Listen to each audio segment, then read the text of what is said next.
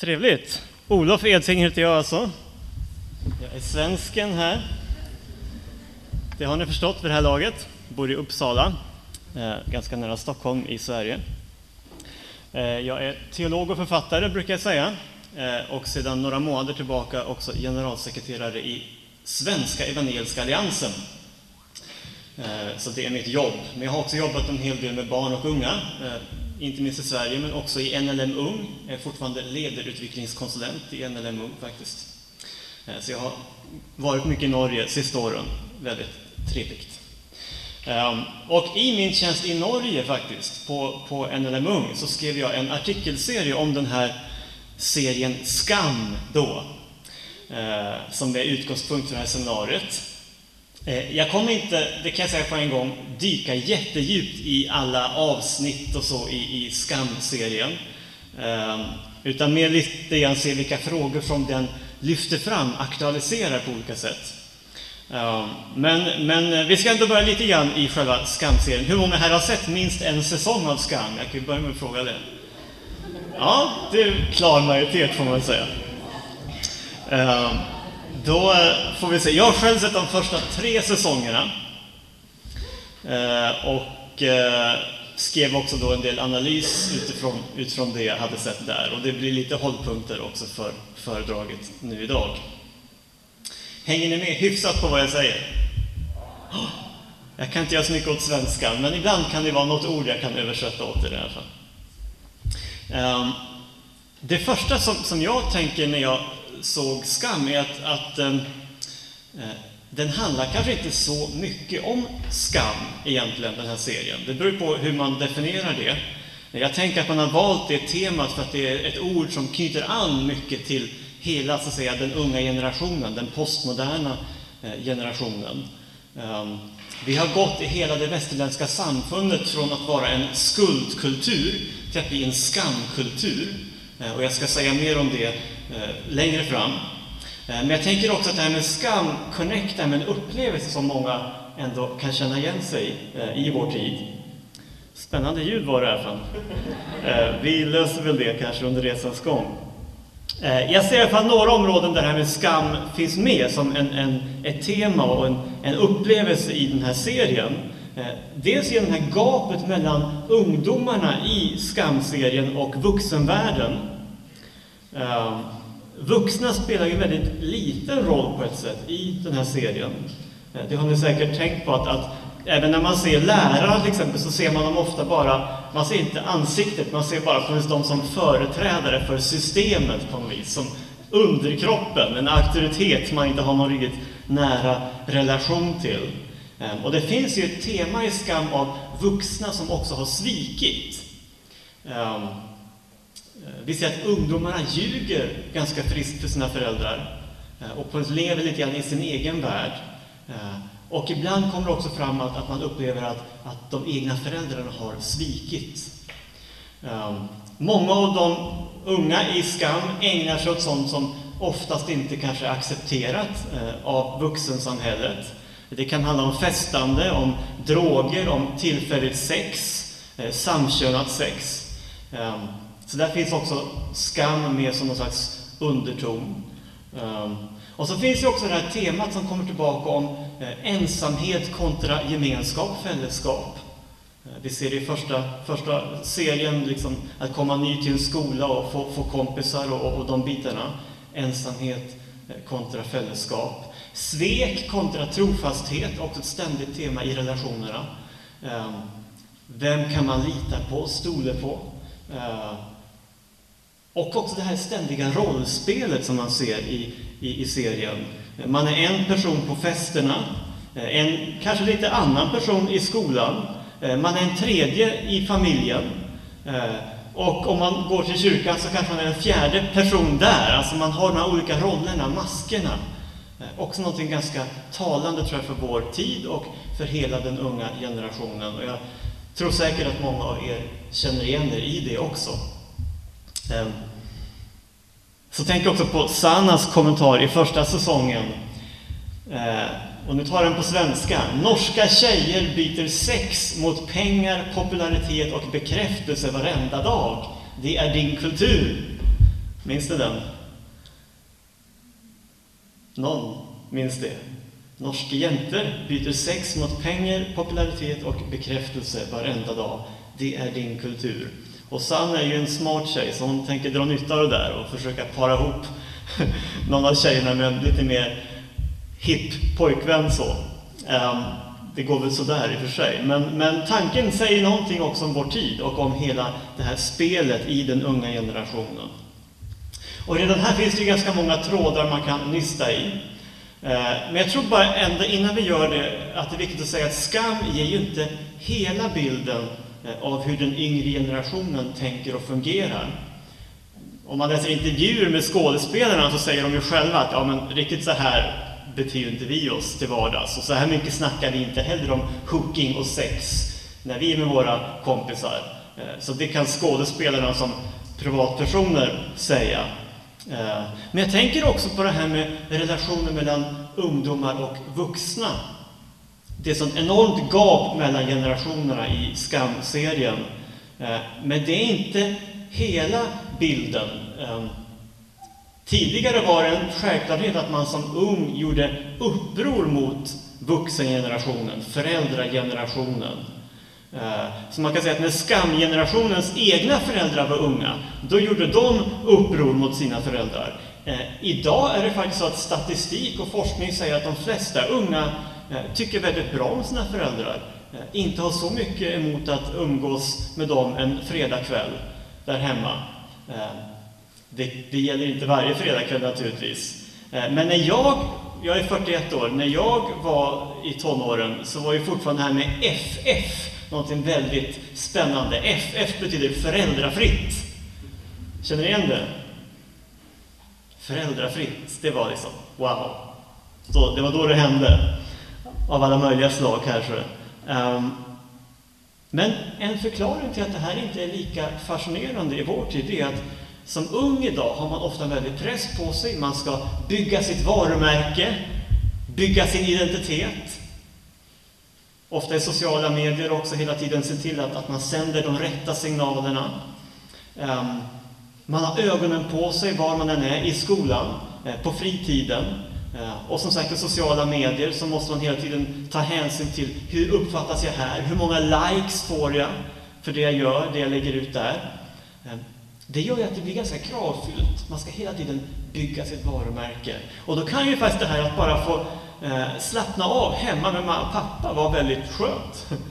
Då behöver jag inte bry mig om varumärket. Då kan jag faktiskt vara mig själv. Man får lite grann checka ut från den här bubblan av, av krav och lämna över ansvaret till sina föräldrar. Och för många kan det faktiskt vara väldigt befriande. Så jag vill bara börja med att säga det att bilden av att unga och vuxna inte alls vill ha med varandra att göra, eh, den är inte riktigt sann. När jag jobbade i SALTO, som är det barn och ungdomsförbund som jag var ledare för i Sverige tidigare, så byggde upp ett material kring mentorskap, medvandring, och det vet jag att man har jobbat med mycket här i Norge också. Jag har knappt träffat en ung människa som inte skulle vilja ha någon slags mentorsrelation, positiv relation till någon vuxen. Sen blir det inte alltid så att få till det. Men än en gång, för 20 år sedan så var det nog ganska vanligt med unga som inte ens ville ha den typen av relationer. Så jag vill bara börja med att säga det. Skamserien ger inte hela bilden av den här relationen mellan vuxna och unga. Eh, och vi har ju också ett, ett ord från, från skriften här, eh, där, där Bibeln målar upp en helt annan vision av att Gud ska vända fädernas hjärtan till barnen och barnens hjärtan till deras fäder. Eh, någonting av det goda som kan få ske när, när Gud får prägla våra liv. Ett annat laddat och ständigt liksom återkommande tema i, i skam är ju sex. Eller hooking som man talar om. Och det är inte bara sex, men det kan ju leda fram till det. Eh, och sex i ganska många fall handlar om one night stands, inte alltid, men, men ganska ofta. Ehm, jag tror att, att här är, är, serien ganska trovärdig på ett sätt, eh, när det gäller vissa delar av, av den unga generationen. Jag kollade lite statistik. Genomsnittsåldern för en norsk ungdom att bli av med oskulden, det är 16 år. Det känner ni kanske igen? Eh, det man inte brukar berätta det är att det här är genomsnittsåldern av de som debuterar sexuellt i tonåren.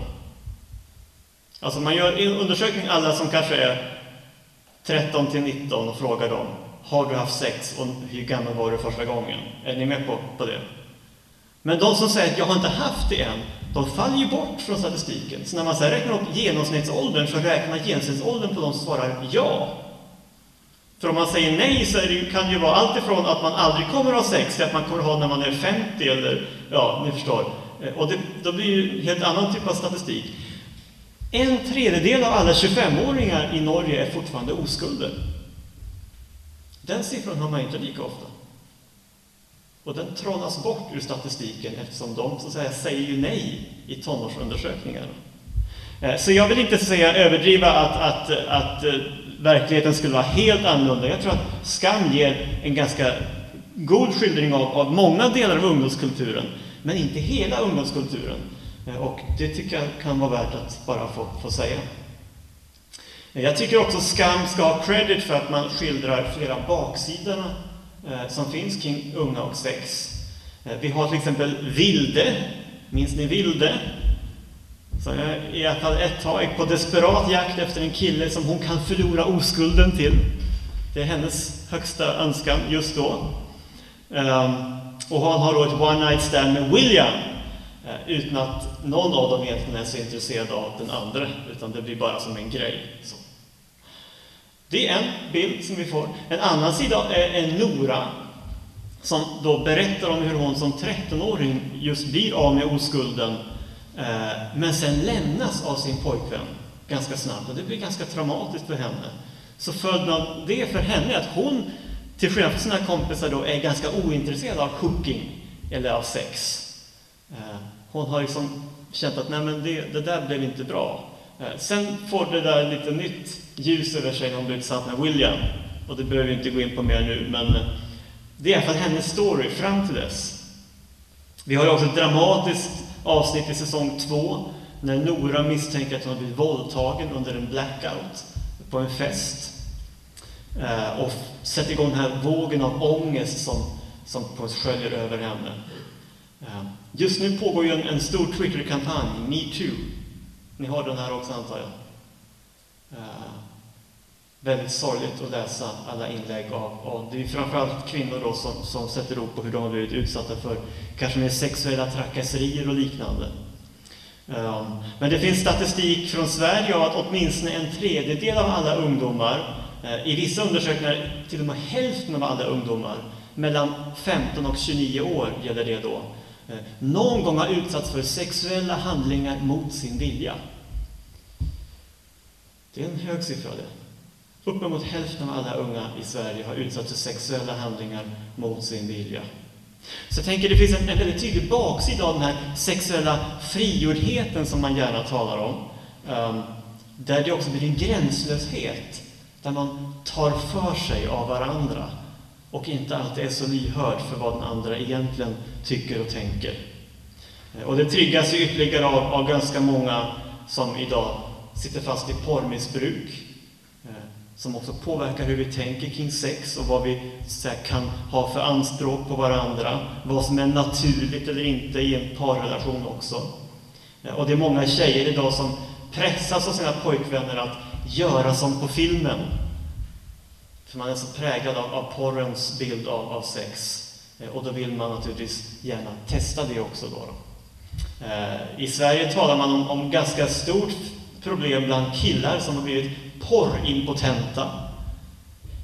Det betyder att man har sett så mycket porr och blivit så överstimulerad sexuellt av porren att man faktiskt så att säga inte kan tända i en vanlig sexuell situation.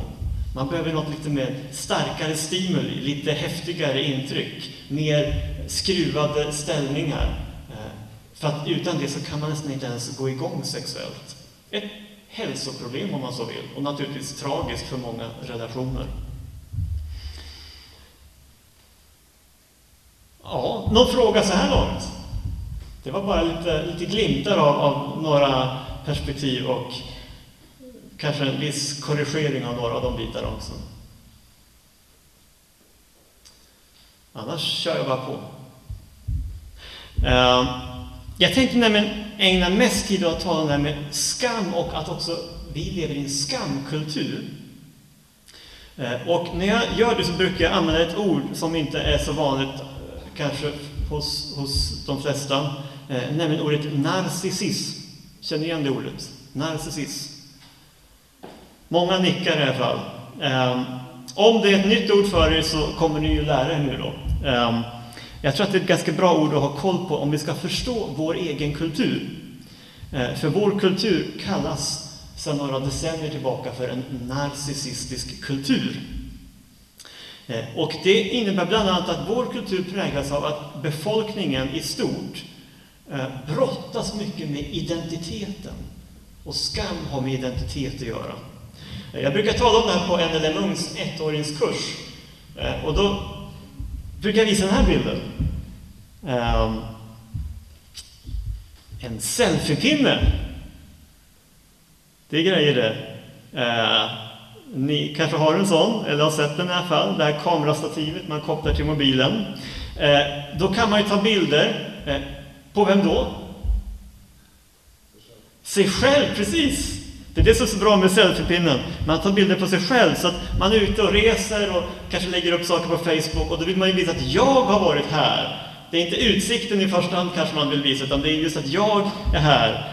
Ehm, och det här blev, eh, eh, höll på för att bli årets julegave i Sverige för några år sedan. Eh, väldigt populärt. Det kanske har klingat av lite grann, populariteten, men, men det var stort. Nu har väl alla sin selfiepinne redan, så att det, det är så det funkar. Ehm, jag tänker att det här kan illustrera någonting som gäller väldigt mycket för vår tid och vår lite yngre generation. Och det är att vi uppmuntras att vara väldigt självupptagna. Upptagna med oss själva. Ehm, och när alla människor i en kultur är självupptagna så blir hela kulturen påverkad, eller hur?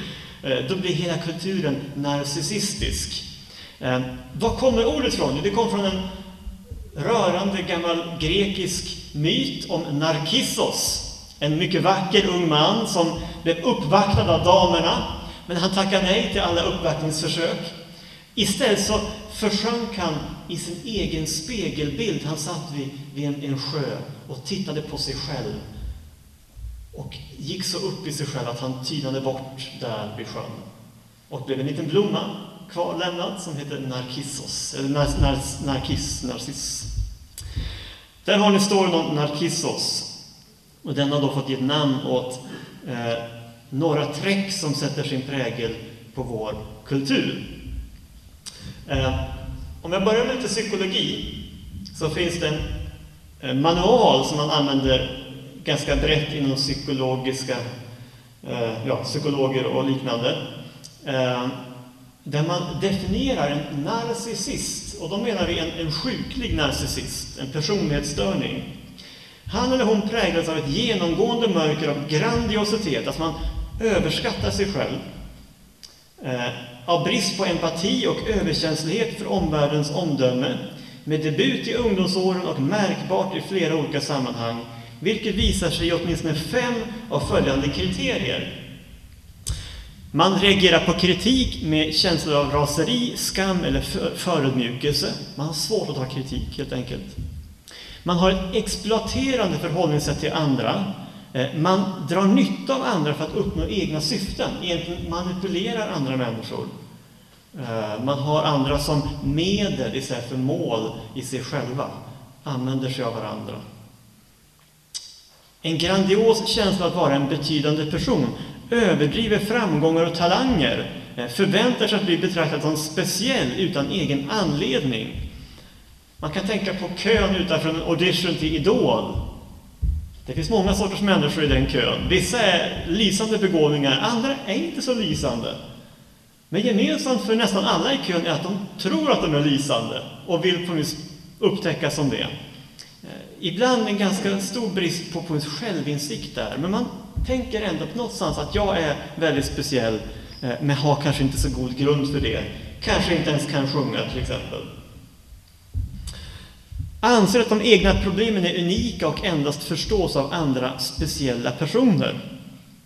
Eh, upptagenhet av fantasier som gränslös framgång, makt, begåvning, skönhet och fulländad kärlek. Eh, eller kanske höga betyg, karaktärer i skolan. Det är ett stort problem i skolans värld idag att eh, lärarna, eh, om de sätter karaktärer som eleverna inte är nöjda med, så känner sig eleven kränkt.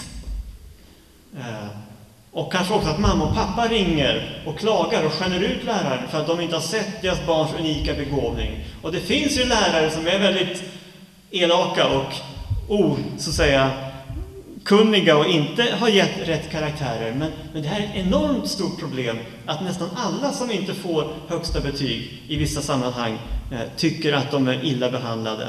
Det är ett nytt fenomen som säger någonting om vår tid.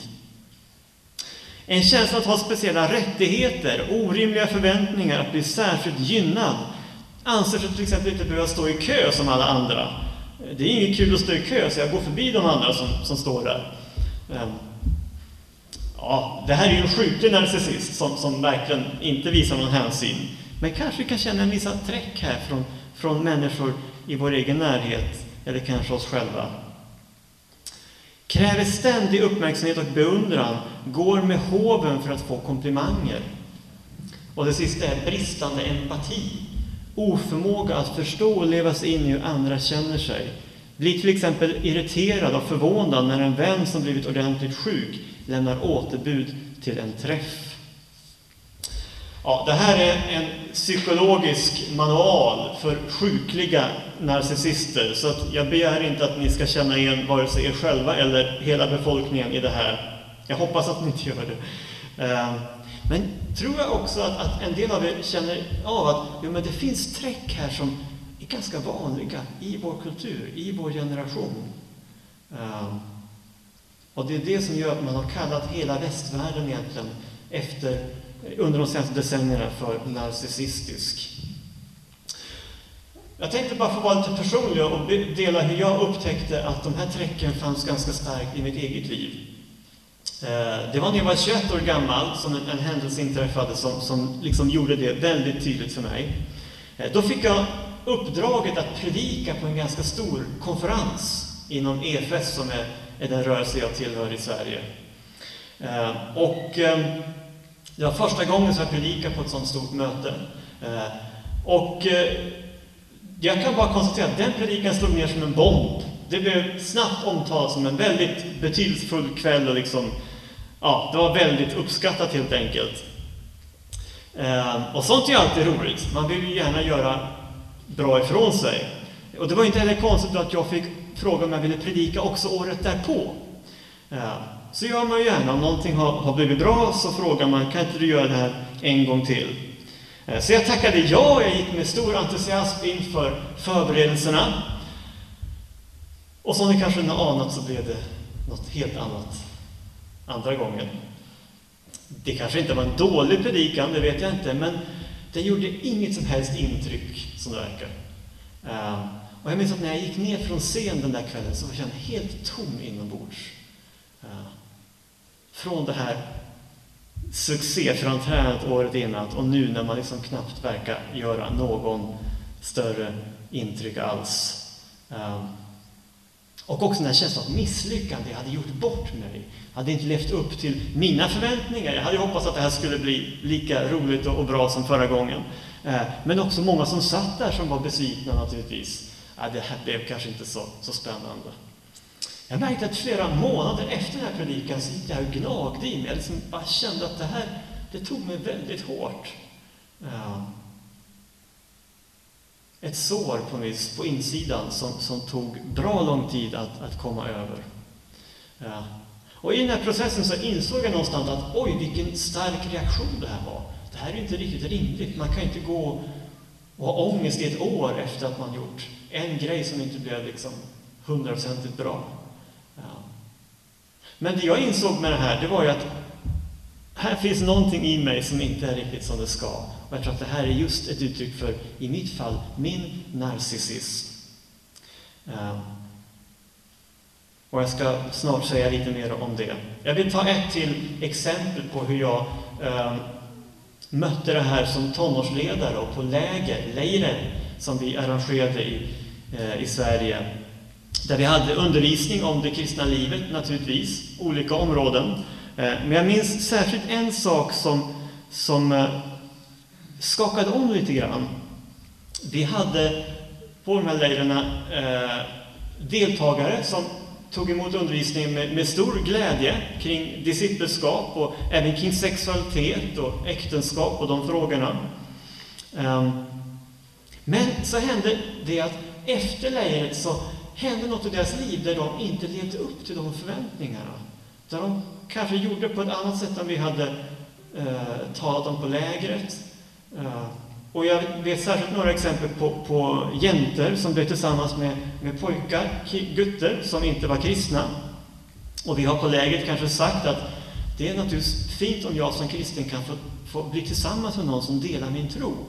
För då får jag också dela det resten av livet med min partner. Det är ett ganska stort offer att leva ett helt liv utan att kunna dela sin tro med den man är gift med. Därför hade vi tagit upp det. De här personerna hade hållit med om det och tyckt att det var bra. Men så hade verkligheten blivit en annan. De hade blivit tillsammans med icke-kristna gutter. Eh, och då drabbades de av skam. Väldigt speciell upplevelse. Flera av de här som jag ju också kände personligen, eh, när jag mötte dem, de ville inte ens se mig i ögonen. Det var så påtagligt här, de kände sig dömda helt enkelt. Eh, och kunde inte liksom flacka med blicken på mig när man skulle försöka prata med dem eh, eh på efterkant. Ehm, och flera av dem drog sig undan det kristna fällskapet helt och hållet. Ehm, och det satte igång mycket tankar och frågor hos mig och jag funderade på, var det verkligen någon av oss på lägret som hade dömt de här personerna? Och jag kan inte komma på något tillfälle där vi hade uttryckt oss dömande. Ehm, vad vi däremot hade gjort var att vi hade delat med oss av ett ideal en undervisning som, som jag fortfarande tror är, är god. Ehm, och de här personerna hade faktiskt bejakat det idealet, sagt ja till det idealet, men sen hade de inte levt upp till det. Och då drabbades de av skam. Och jag tänker båda de här erfarenheterna, min erfarenhet av en misslyckad predikan, de här personernas erfarenhet av att ha misslyckats med andra ideal, ehm, de förklarar någonting av vad vi menar med den narcissistiska kulturen. Ehm, den skampräglade kulturen. Ehm, för det är så här att skam, vi kan ta en enkel definition av skam jämfört med skuld. Eh,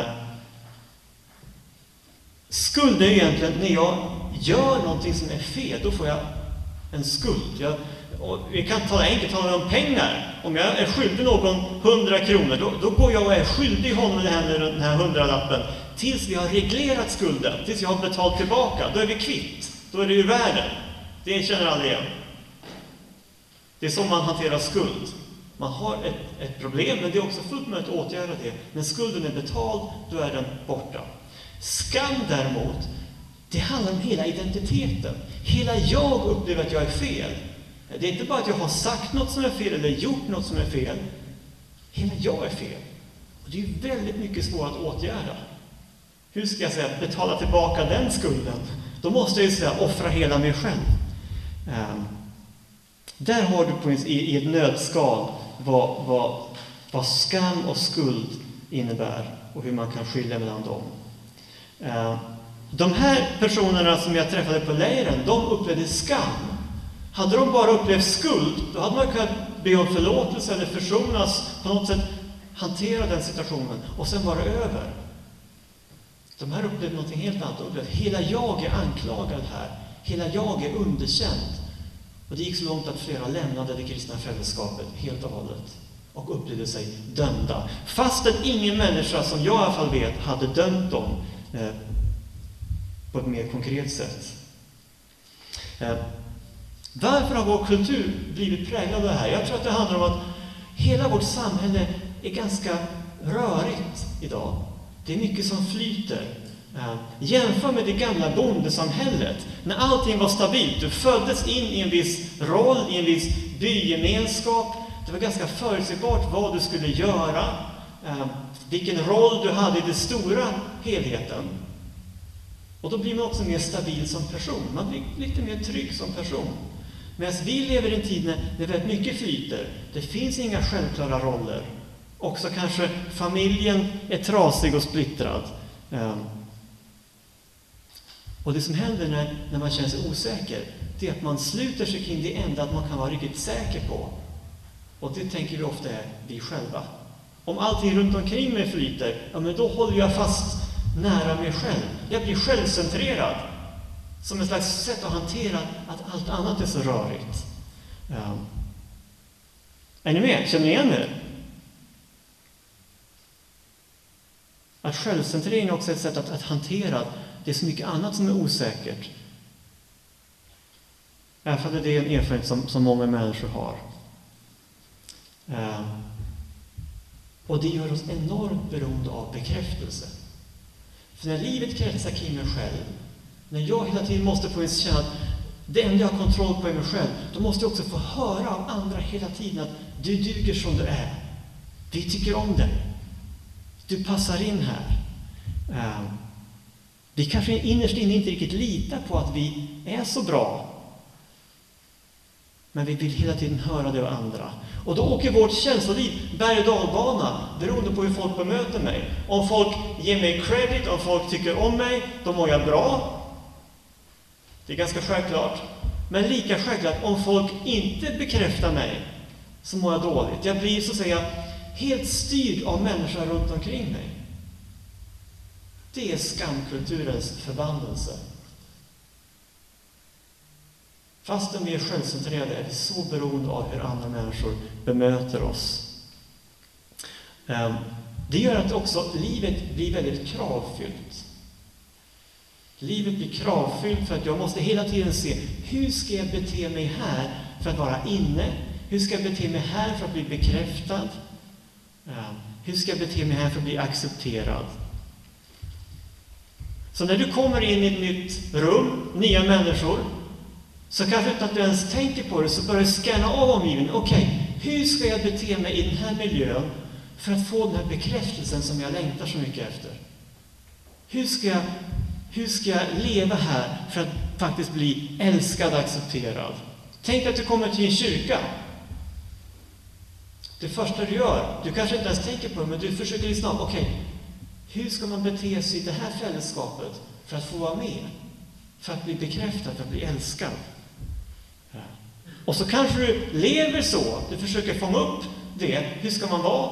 Och du lever så. Men inte egentligen för att du... Pastorn kanske tänker men du gör det för att du älskar Jesus, du vill bli lik Jesus och av det skälet så lever du på ett, ett, ett sätt som man förväntas som discipel. Men egentligen är det din egen rädsla som gör att du lever på det sätt du gör. Din rädsla att inte duga gör att du försöker passa in i mallen. Eh, och det är inte konstigt att livet upplevs som extremt kravfyllt då. Man behöver hela tiden leva upp till andras förväntningar för att hantera sin egen rädsla för att inte duga. Om vi fortsätter på temat eh, vad som händer när man som narcissist kommer in i kyrkan om du brottas med din identitet, du brottas med din skam.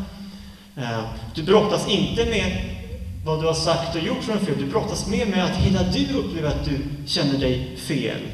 Ehm, ja, en sak som ofta händer är att man blir allergisk mot talet om synd och skuld. Många anklagar kyrkan för att tala alldeles för mycket om synd och skuld. Ja. känner ni igen det? Varför ska kyrkan vara så mörk och dyster, tala om vad jag har gjort fel? Du kanske aldrig har tänkt så? Många människor tänker så i alla fall. Ja. och det är en ganska vanlig bild av kyrkan ute i samfundet i stort. Där talar man bara om, om vad jag har gjort fel. Ja när vi brottas med vår skam är inte det som är vår huvudfråga. Narcissisten, har någon sagt, vill inte ha förlåtelse, tillgivelse. Han eller hon vill ha förståelse, att mer så säga, bli ompysslad och sedd. Ja. Och det har att göra med hur vi fungerar själva på insidan. Vi brottas med vår identitet. Och då får vi också svårt att skilja mellan sak och person. Om jag säger till dig att jag tror att det du gör på det där området, det är fel. Så har kyrkan i alla tider sagt. Jesus sa det i många situationer. Det där tror jag är fel. Ja. Men i vår kultur så har man ofta blandat ihop det med att vara dömande.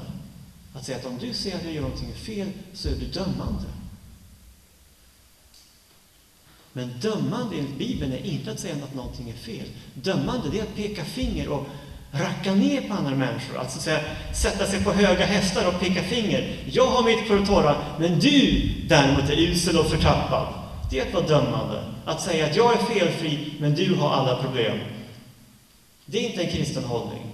Men att säga att någonting är fel, eller att man faktiskt tror att vissa beteenden är, är bra och andra är dåliga, det är inte att vara dömande utifrån en kristen syn på saken.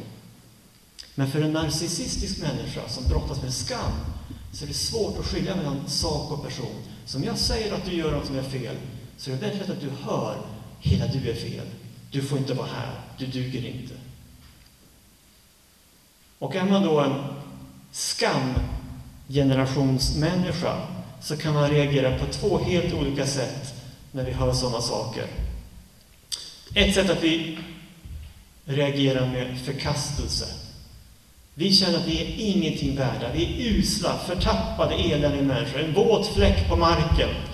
Eh, och på gräver ner sig i en grop av självmedvetenhet och förtvivlan. Eh, det är ett sätt att reagera. Eh, andra varianten, det är att vi blir aggressiva nästan. Försvarar oss. Jag är minsann inte så där dålig. Jag skyller ifrån mig. Två helt olika reaktioner. Antingen förkastelse eller försvar. Men båda bottnar ju i samma sak. Jag är otrygg i mig själv. Jag klarar inte av att, att höra att någon annan säger att jag har gjort något som är fel. Väldigt tydligt om vi tittar på politiken eller i media. Eh, eller en företagsledare. Har ni sådana i Norge som kanske har gjort något fel? Ställt till det på något sätt. Så måste de offentligt be om undskyldning. Känner ni igen fenomenet? Företagsledaren, eller pastorn, eller politikern har gjort något fel. Det jag slås av när jag har sett de här inslagen på TV, när man ska förklara då att man har gjort fel, det är att det är ganska sällan de egentligen säger att de har gjort fel. Har ni tänkt på det? Ehm, det är alltså ovanligt att, att man verkligen ber om förlåtelse, tillgivelse.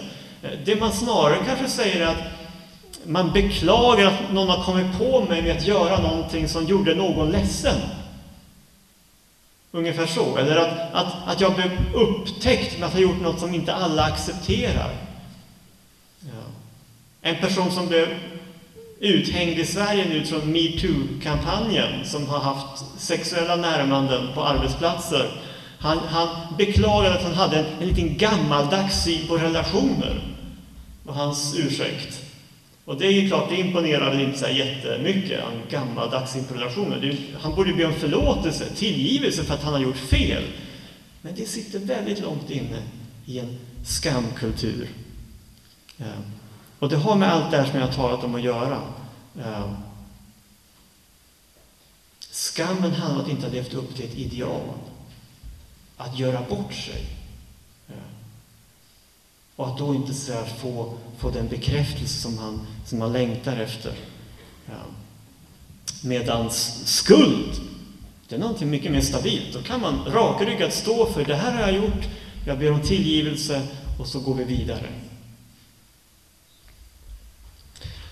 Ni kan vända er till grannen en minut. Så här, känner ni igen någonting av, av de här narcissistiska träcken i, i ditt liv eller i din omgivning? Att vi är mer präglade av skamtänkande, av vår brottning med vår identitet. Eh, ja, det jag talat om. Ta någon minut.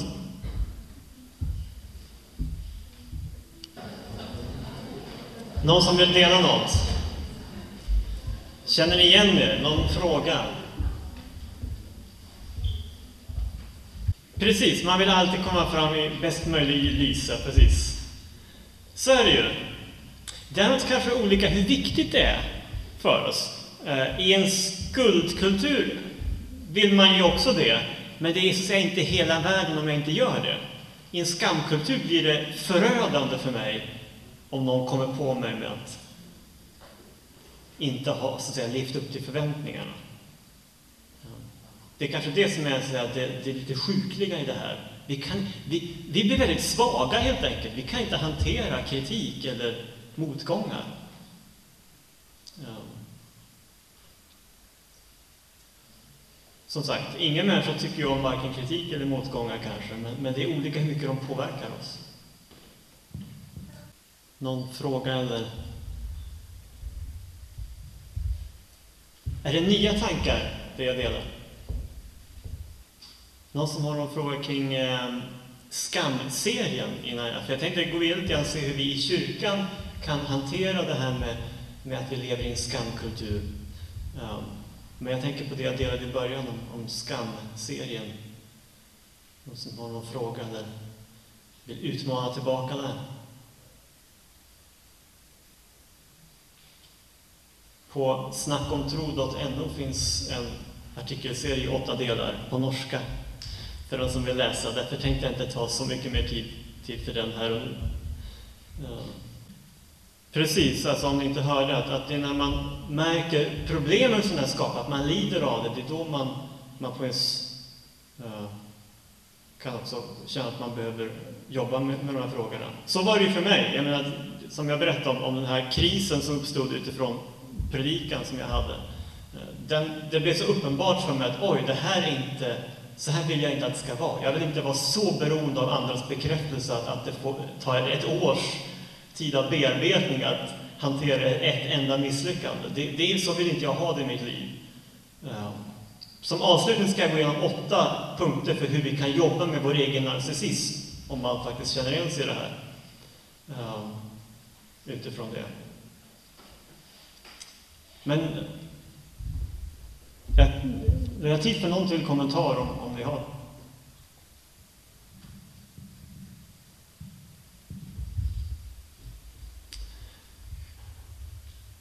Annars går vi in på hur det här påverkar oss i den kristna kyrkan. Ehm, och jag tänker ett ord jag också vill nämna kopplat till det här, det är ju perfektionism. Perfektionism. Är det någon som är perfektionist här? Två, det var, det var inte många. Jag har, jag har svårt att tro jag tror att det finns fler. Men uh, man kan vara perfektionist på olika sätt i och för sig också. Eh, en sorts perfektionism är ju mer att man vill göra sitt bästa till någon slags rimlig gräns. Och det är väl eh, inte så anmärkningsvärt eller konstigt. Men det finns också en typ av perfektionism som kan vara eh, väldigt eh, destruktiv. Och det är när man alltid måste göra topprestation för att man känner att om man inte gör det så har man brutit mot de här idealen. Då duger man ingenting till, till då är man inte värd att älska och så vidare. Eh, I Sverige i alla fall så talar psykologer om något som heter kvartslivskrisen. Kvartslivskrisen som infinner sig när man är i 25-årsåldern kanske. Eh, när man lever i en kultur som säger Live fast, die young, lite så, va? allt spännande och, och bra ska hända eh, när man fortfarande är ung. Eh, och det finns så många möjligheter, det finns ju ett oändligt antal möjligheter eh, vad man kan resa någonstans, vad man kan plugga, vad man kan åstadkomma. Kanske föräldrarna är på en också tycker, när jag var ung då kunde man inte göra det här, det här, det här, det måste du göra. Och så är man där vid 25 år ungefär och märker att oj, nu, nu snart börjar det bara gå ut för Nu har jag ju som levt den där drömmen och så känner man att jag tycker inte ens det är särskilt spännande. Och det är massa möjligheter jag har sabbat som inte alls har blivit någonting av. Ehm, och då kan man få kvartslivskrisen. Förr var det 40-årskris, nu kan man få det redan vid 25 års ålder. Och det handlar ju mycket om det här att man har så många förväntningar, så många ideal att leva upp till eh, och kanske också har försökt göra det. Många som blir sjukskrivna för utbrändhet i 20-30 års åldern. Ja. Men kanske inga i det här rummet då, då eftersom ni inte var perfektionister. Men kraven eh, som väldigt många upplever i vår tid, eh, sitter ju inte bara på utsidan, de sitter också på insidan. Det känns att jag måste leva upp till det här, jag måste leva den här drömmen. För det är så man ska göra. Och när vi lyckas, då mår vi som kungar, som drottningar. Underbart! Allt är på topp. Men det är när jag misslyckas som det verkligen märks. Eh, för då är livet totalt värdelöst. Då krossas hela min självkänsla, hela min självbild. Och den typen av perfektionism är verkligen destruktiv, negativ. Eh, någon har sagt att det är någonting nästan fult att vara vanlig idag. Eh, man ska inte vara vanlig, man ska vara unik, speciell. Eh, höja sig över mängden. Och då är vi tillbaka till de här karaktärerna i skolan. Om jag bara får godkänt som karaktär, då är jag ju ingenting speciellt. Då är jag ju som alla andra. Och det är det fulaste man kan vara. Man ska vara unik, speciell, hitta sin egen nisch. Så då beskyller jag läraren för att det är du som har förstört mitt liv, som bara ger mig godkänt som karaktär, till exempel. Eh, och det blir ett väldigt kravfyllt liv. Och det här är intressant om vi tittar på det här med religion och kristen tro. För vad är det för typ av Gud man frågar efter i en narcissistisk tid? Ja, om man inte tycker om talet om synd, om man tycker att allt som är på viss lite motstånd mot mig blir att man är dömande, då vill man naturligtvis ha en Gud som mer stryker medhårs. Eller hur? Det är ganska logiskt. Ni har det uttrycket också, man stryker medhårs. Det känns bra. Och då blir Gud i narcissistisk tid ganska lätt förvanskad till att vara den store terapeuten som bara bekräftar. Eller teddybjörnen som jag bara kan krama. Gud är ju det också. Det, det anser i alla fall jag. Um, men han är inte bara det. Och det är väl lite det som är problemet, att i vår tid så tonas de här lite mer utmanande sidorna hos Gud ofta ner. En känd svensk teolog, Agne Nordlander, han skriver så här att när den narcissistiska människan blir religiös attraheras hon av bön, meditation och andlighet. Det är självklart för henne att hon bör ha rätt till direkt tillträde till Gud utan förmedlande instanser som en försonare, nådemedel, präster och kyrka. Hon kräver omedelbar uppmärksamhet, ansikte mot ansikte. Hon har ingen förståelse för formaliteter eller vördnadsbetygelser för Gud. Alltså, Gud är inte helig egentligen. Gud är bara på, på min nivå. Och han finns där för min skull. Eh, och det gör han ju, än en gång. Jag säger inte emot. Eh, men det får inte vara vår enda bild av Gud om vi ska göra Bibeln rättvisa. Men som Agnod Lander fortsätter. Gud förväntas bara finnas där för hans skull. Ungefär som spädbarnet självklart förväntar sig få mjölk från, från mammans bröst. Det är vidare självklart att narcissisten ska komma till himlen. Kan det finnas ett värdigare slut för en person med så storslagna visioner? Om hela mitt universum ändå kretsar kring mig, då är det ju självklart att jag också kommer till himlen. Det vore ju en kränkning av mig om Gud inte lät alla bli frälsta. Och än en gång, jag vill inte förminska att, att det finns en, en stor fråga kring, kring evigheten och, och vilka som blir räddade och inte. Men ur det här perspektivet så är det nästan Guds skyldighet att rädda mig. Och det är inte Bibelns bild. Bibeln talar om en Gud som faktiskt gick i döden för att offra sig för vår skull. Ett oerhört högt pris som han betalade. Eh, och absolut inte någon rättighet för alla, eh, bara sådär. Eh, I vår tid får vi också utifrån det här problem med ett annat av de ämnen som jag kommer tala om den här helgen, och det är ju Gamla Testamentets beskrivningar av Gud. För i Gamla Testamentet så får Gud träda fram ännu tydligare som helig, som upphöjd, som kung. Eh, det finns texter om det i Nya Testamentet också, men, men i Gamla Testamentet är det ännu mer påtagligt.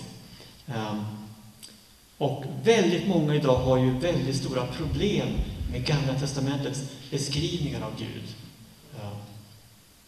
Vi har svårt med en Gud som dömer synden, till exempel. Det är någonting i oss som gör att det där, det känns inte riktigt bra. Och då beskyller vi egentligen Gud för att vara problemet. Eh, och i värsta fall så rensar vi nästan bort alla de bibeltexterna som talar om Gud på det sättet och väljer ut just våra egna älsklingsverser enbart. Än en gång, Gud får vara terapeut, han får vara teddybjörn, men kanske inte helig eller domare. Och det jag ser som det stora problemet här är att när Gud inte får vara Gud fullt ut, så blir han ju till slut bara en spegelbild av våra egna önskemål om honom. Och den Gud som Bibeln talar om är en Gud som faktiskt kan förvandla ditt och mitt liv, som kan förändra ditt och mitt liv i grunden. Men en Gud som jag har full kontroll på kan nog faktiskt inte skaka om våra liv på det sättet. Vi behöver en, en Gud som är större än oss. Han är framförallt större än oss, vad vi än tycker om saken. Och det är det Bibeln vittnar om. Men jag tänker även för din och min skull. När vi gör Gud för liten så lurar vi oss själva. Till slut blir Gud så hanterbar att han inte är Gud längre. Och då kan han inte förvandla våra liv längre. Och klart, då kommer inte heller din kristna tro att bli särskilt livsförvandlande.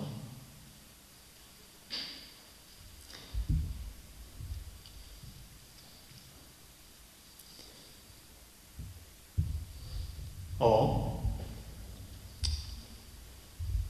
Vad ska vi göra åt våra narcissistiska träck? Jag har en lista med åtta punkter så jag tänkte få säga någonting om. Eh, I min hemförsamling brukar vi ha en upprättelsekurs ibland.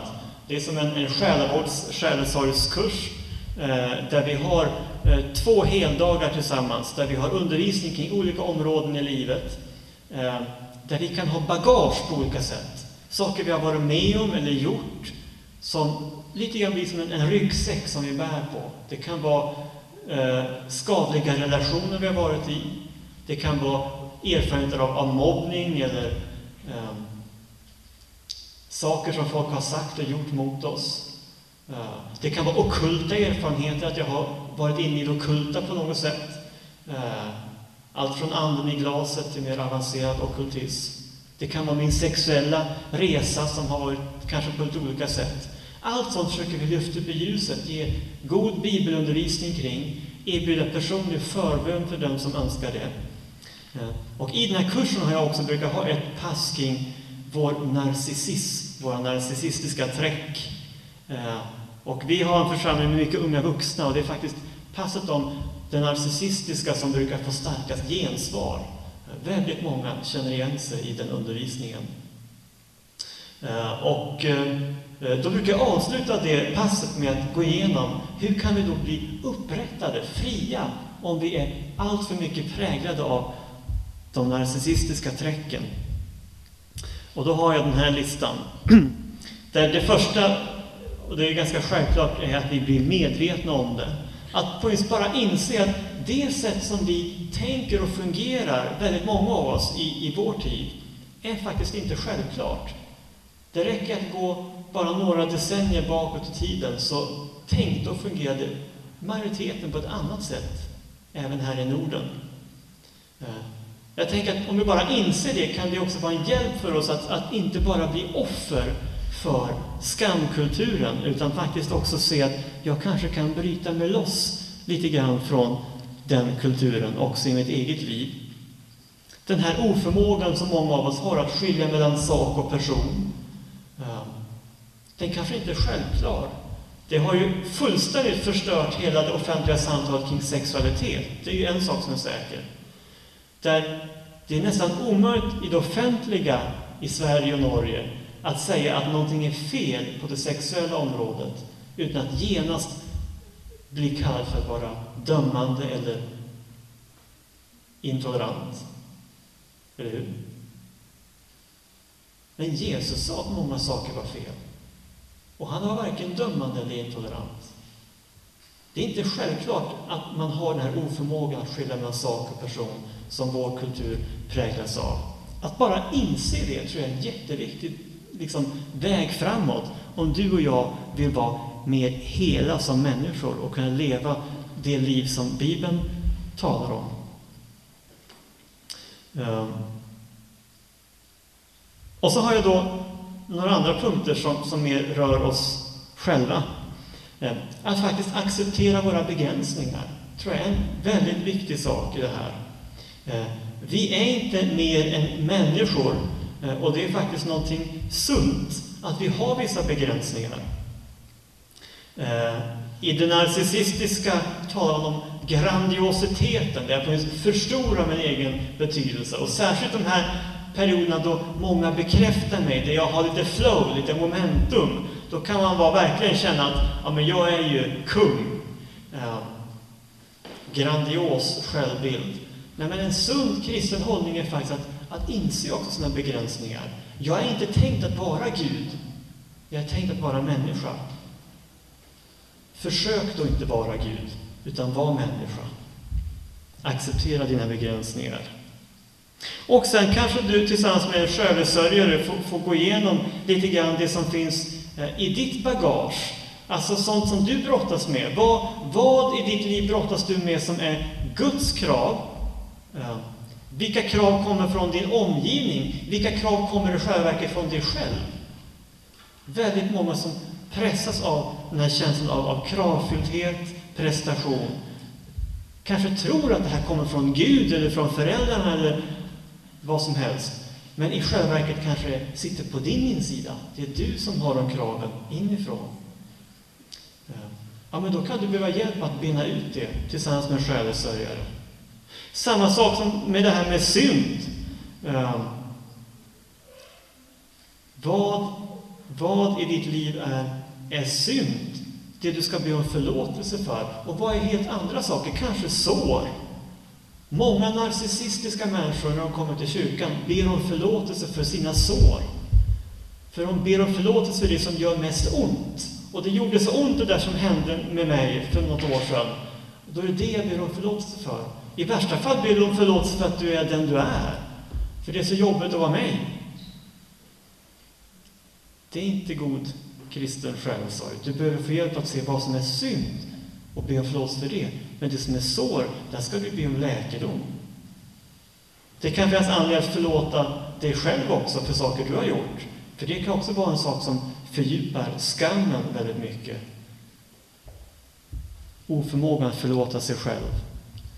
Uh, är det kvart över sånt där? Okej, okay, jag tror det var en timme. Uh, då tar vi det sista väldigt snabbt. Uh, och det kan vara också bara att, att se på det här att situationer som vi kanske har bedömt som att här har någon varit dömande, att det kanske inte var hela sanningen. Ibland kan det ju vara så. Men ibland kanske det var mer att jag tolkade någonting som dömande som inte var det. Kanske jag beskyllde kyrkan för att vara dömande när den inte var det. Och kanske var den det, och då får jag ju ta det på allvar. Men det är inte alltid så som det upplevdes just där och då. Ehm, och det sista steget som, som någonstans landar i, i att få, få, bli mer hel som människa, det tänker jag att också börja våga ta ansvar för det som är fel i mitt liv. Ehm, jag är inte bara ett offer, även om jag kanske brottas mycket med min egen självbild. Och jag kan få växa och bli tryggare som individ. Och jag kan bara få avsluta med det som blev avgörande råd från min själsörjare efter den här misslyckade predikan. Eh, han sa så här till mig att du måste lära dig att få din bekräftelse, inte i hur din predikan tas emot, utan i faktiskt din förberedelsefas, när du sitter ensam med din bibel, med Gud, söker hans vilja för vad du ska säga. Där får du hämta din bekräftelse, i mötet med Herren. Men du kan inte vara beroende av varje gång hur människor upplever och uppfattar det du säger. För då kommer du bara våga säga sånt som du vet att de kommer ge dig applåder för, credit för. Och det är livsfarligt som förkunnare och som människa att bara våga säga sånt som man får credit för. Eh, tiden har gått. Får man be en bön? Då gör jag det. Kort.